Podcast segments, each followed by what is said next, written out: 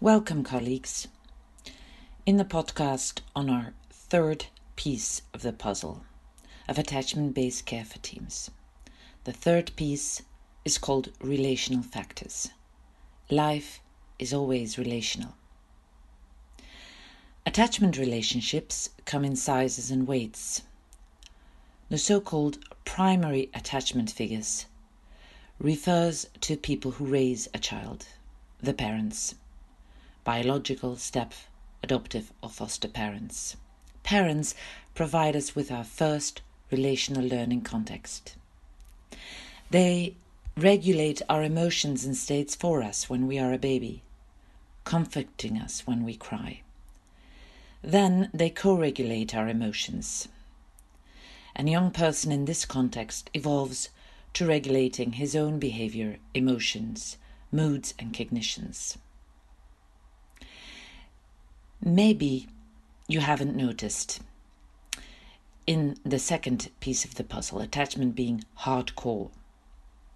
But taking care of a child is also a biologically imprinted need, an attachment need, yes, even for the worst of parents. Of course, caretaking needs to evolve with the children with the child's development. We like the soccer metaphor for this. When a baby, the parent holds the provider role, as the team's captain is participating in the field. Parents feed, change, carry, clothe their baby. When in primary school, parents' role shifts to taking on the coach role. The child now is alone at school to eat, follow classes, and play on the schoolyard.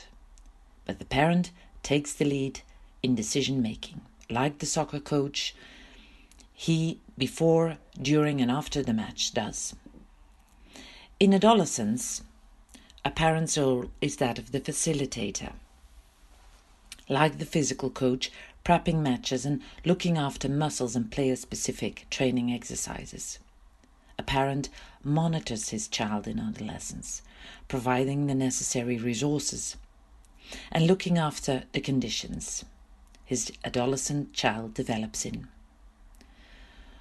When a child turns to be a young adult, parents are referred to the supporter role, to the stands of the football, you could say. They can shout their encouragement. They can keep buying their club's membership card, even when the team risks to demote. But that's actually all they can do. In order to move through these roles, parents need to move from the immense authority and power the provider role brings to having influence. When we, as professional caretakers, try to coach parents to be supportive to their child, hey, let's be honest. All parents like to hold some influence over their child, no matter what age. Influencing their child is gradually gradually no longer achieved by taking over, preaching, proposing solutions, read, yet rather by engaging in conversation with their child, giving them a voice in negotiating the parent child relationship. And of course, this relationship, parent child, is bidirectional. A child develops influence over his parents as well. Behavioral problems in a child can threaten the self image of their parent, feeling frustrated in his desire to be a competent parent and to feel connected to his child. In these dynamics, parents often get or feel blamed when their child has problems, especially when these are mental health issues. They sometimes feel blamed by us too, by professionals. We must know that research evidence is mixed and inconclusive on the issue of blaming parents for their child's mental health issues. Research does point out that parenting styles can sustain mental health issues if parents themselves are not good at dealing with problems or stress. Despite all efforts, parenting style can also be mismatched to the particular need of a child. A hopeful message from research is that parenting styles can be corrective, helping to buffer or support temperamental and biological predispositions in children and stresses for children. Voila the beauty of the attachment system. People form other attachment relationships as they move through life. And these new relationships are in big part based on the relational experiences with their parents through learning processes. Growing older, a person's attachment network broadens.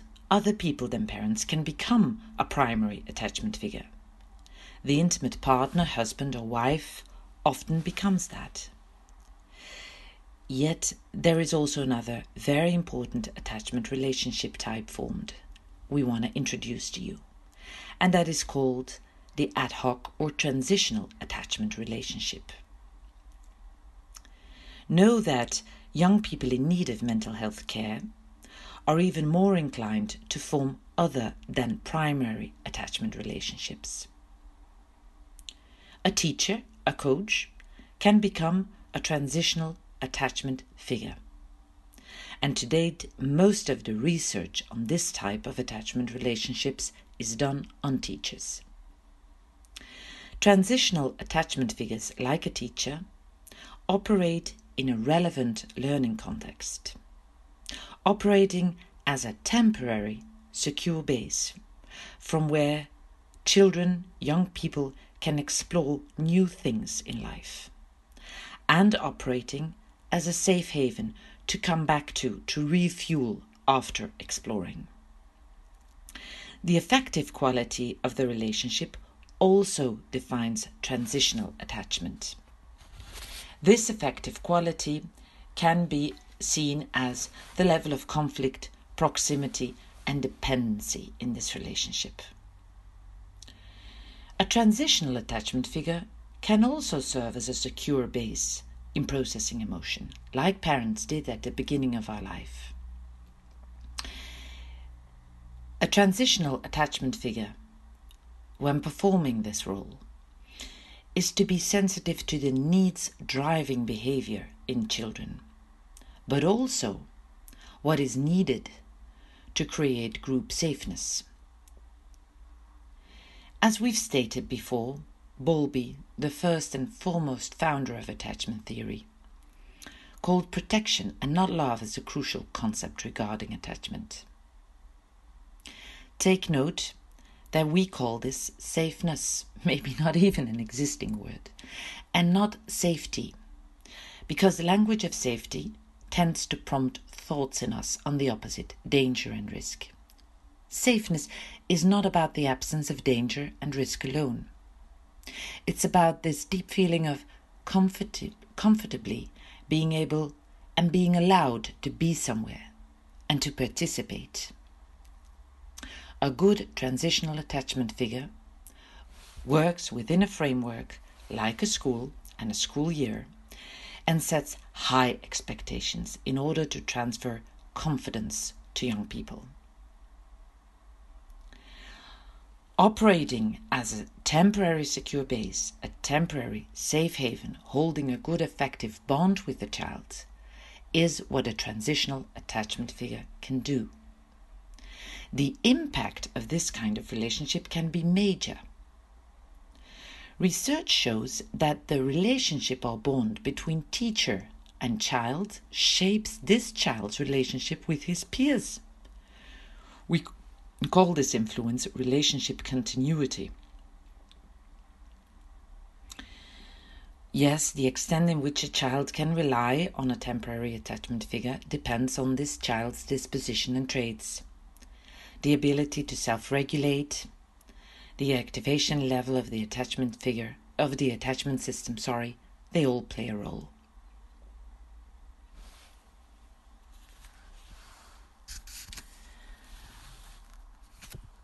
Up to a third type of very important relationship. Growing up, the importance of peer relationships increases. We know from learning theory research that so called social learning is a very important learning route for adolescents and young adults. Social learning is learning through verbal instruction or through observation rather than through own direct experience. amazing is that anxiety, an anxiety reaction is mostly learned after observing this reaction to a stimulus or a situation in another human being. And in the same vein, research showed that extinction of fear in an adolescent is easier acquired when an adolescent observes reduction of fear response in a peer than when he experiences this reduction inside of himself. In plain English, imagine an adolescent suffering from spider phobia, severe. He will experience far less fear after having observed a peer being exposed to spiders and no longer being afraid after the therapy than when in therapy himself. Astonishing, no? So here's the challenge how can we tap into this massive social learning potential in adolescence? In our mental health healthcare practice, how can we help and facilitate young people admitted to learn from each other, not just from us or from their parents or teachers. What happens in a young person's life with parents, of course, will influence his relating to teachers, coaches, and other temporary attachment figures, and also to peers, and vice versa. As you can see, an immensely complex relational network unfolds when you think of all the links and feedback loops between people moving down our life path with us. When your kid is bullied by his peers at school, of course you can feel ashamed thinking you are a failure as a parent. When your daughter is advised to go into medical school based on her good grades, sure, you can experience proudness. And who knows, maybe even some envy after you've never been able to become a doctor yourself. This network becomes even more complex when we think of different generations in a family. Intergenerational legacies of poverty, humiliation, or proud. We've heard of them, we've lived them maybe. All these intergenerational relational dynamics from past, present, are at play in everyday here and now relating. How can we put this knowledge on relational factors into use within ABC4 teams? Colleagues, if primary attachment figures, if parents are that important in a child's development and health, we need them on board when their child suffers from mental health issues. Therefore, ABC4 teams implies engaging primary attachment figures into the work, whether this is inpatient, community based, or home based guidance. Engaging parents not just as informants in assessment, not just even for talks on how their kid is doing during admission. We call it the boardroom conversations. Yet, engaging them the team member way, as part of the team helping their child recover and get back on track. This is why the family therapist on your unit will be trained in the attachment based family therapy model to involve parents in care as the main players on the recovery team. We want parents back in position, starting up a parental position or shifting towards a more parental position to their child, even after hard times. Professor Diamond, developer of the ABFT model in Philadelphia beautifully tells parents whose child is admitted in inpatient care. You are on behavior management holiday now. But we need you to come in to fall in love with your child again. Sometimes in some families, this is not feasible. We then strive for parents offering their child permission to turn to other attachment figures to attend to the needs they cannot answer. In the light of every child's loyalty binds, this in some cases is the greatest parental gift a parent can offer his child. Like a mom, whom I'm trying to engage for ABFT with her youngest daughter. I phoned her and she told she told me, Ilse, if I can't be or if she doesn't allow me to be the one supporting her. I wanted to be her older sister, to support her and care for her. Involving parents in care is a reframe challenge at three levels. First, the treatment issue is to be reframed from this child has or is the problem to your relationships are the main ingredient for recovery. On a second level, parenting will need to be reframed from blame for the past to retaking responsibility for the future. And on a third level, the care relationship will need reframing. Maybe this sounds familiar. You, you've done studies for this, you being educated. Fix my kid. This needs reframing too. Are you, as his mom or dad, willing to be part of your child's recovery. That is how important you are. These reframings will not need to happen only in family therapy or in your family therapist's mind, yet throughout all contacts in care, in all the minds of team members, telephones, visits, weekend planning, care decisions. We want to look at primary attachment relationships as crucial in helping young people. We want to help parents shift to a position where they can see opportunities to take responsibility for their child's future.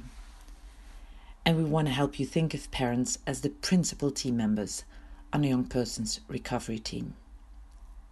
Succeeding these reframes, and by that engaging parents, will be all about walking our talk.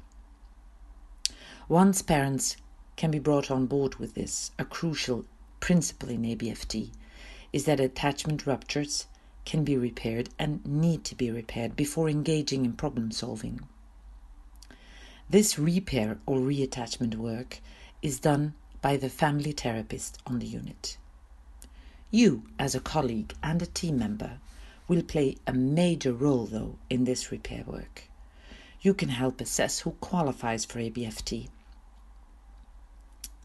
you can help the young person prepare for sessions with family members. You can provide support to the young person to find their voice. You can tell them, I want to help you be the one talking about you in family therapy. The importance of temporary attachment figures, like teachers, opens up massive possibilities for us as mental health care professionals we can mold our helping relationship to young people as a temporary or transitional attachment relationships. Because, hey, as teachers do, we do work in a relevant developmental context. And if the teacher child relationship shapes this child relationships with peers, hey, why not stake our relationship caretaker child to help this child shape his relationship with his parents and his peer relationships. Young people and their families have often experienced ruptures in their trust in mental health care before their child was admitted in inpatient care. All too often, we need to repair trust in professional care as well. As a temporary attachment figure, you can aim for corrective attachment experiences aimed at repairing trust in professional care. You want to look for and engineer opportunities in the small things of everyday interactions to get young people's attachment app back online. When this app is back online, this kid can signal a need, ask for support, and help and get back on track after receiving help. Being a transitional attachment figure implies that you work within a frame and framework. Focusing on handing your role over and back to the young person's primary attachment context. You want to be helping parents to help their kid. Your invitation to the young person is I am going to do for you temporarily what I hope your parents will do for you in the future. And I will ask you to do with me what you stop doing towards your parents. Signal your need in a way I can understand. Your message to parents or primary attachment figures is not that you are their kid's rescuer, nor that you are the better parent. You are a fellow human, temporarily engaging with your knowledge, skills, and also your being human in a helping relationship with their kid, aiming at handing parts of it back to you, parent. In this engagement, we as temporary attachment figures need the courage to be in the same boat. You will need to be sensitive to yourself too, as well when you feel under attack or exhausted by your job as when you feel utterly flattered. These sensations in relation to young people and parents are actually not about you. Yet they will help inform you and guide you through the storm of ruptured relational patterns in young people and families. I will not bother you with a clinical example of parents. Remember your own experiences growing up. You have parents. You wouldn't be sitting here listening to this podcast if you hadn't. Maybe looking back on your youth, you have a lot of thoughts and memories and feelings. Maybe you feel grateful, maybe sad and angry thinking back. Maybe when you yourself became a parent, you made some clear intentions on what you were and were not to repeat from your own childhood. Parenting really is the toughest job in the world, isn't it? Raising a child in difficult circumstances, a child who suffers from mental health issues, is even tougher. As a transitional attachment figure to Lisa. I was her individual, group, and family therapist at the time. When she was discharged, I asked her why she had put so much trust in me, that she allowed me to help her open up to her mother about the sexual abuse she endured from her older niece when she was a child. Her answer One day, at the beginning of my admission, I sat in the hallway huddled against a wall. You came by carrying a load of papers, clearly on your way to some meeting in a hurry. That day, two of my good friends in the living group had gone on discharge. I felt totally lost and alone. You stopped, sat down beside me, and asked me how I was with my two friends going on discharge that day.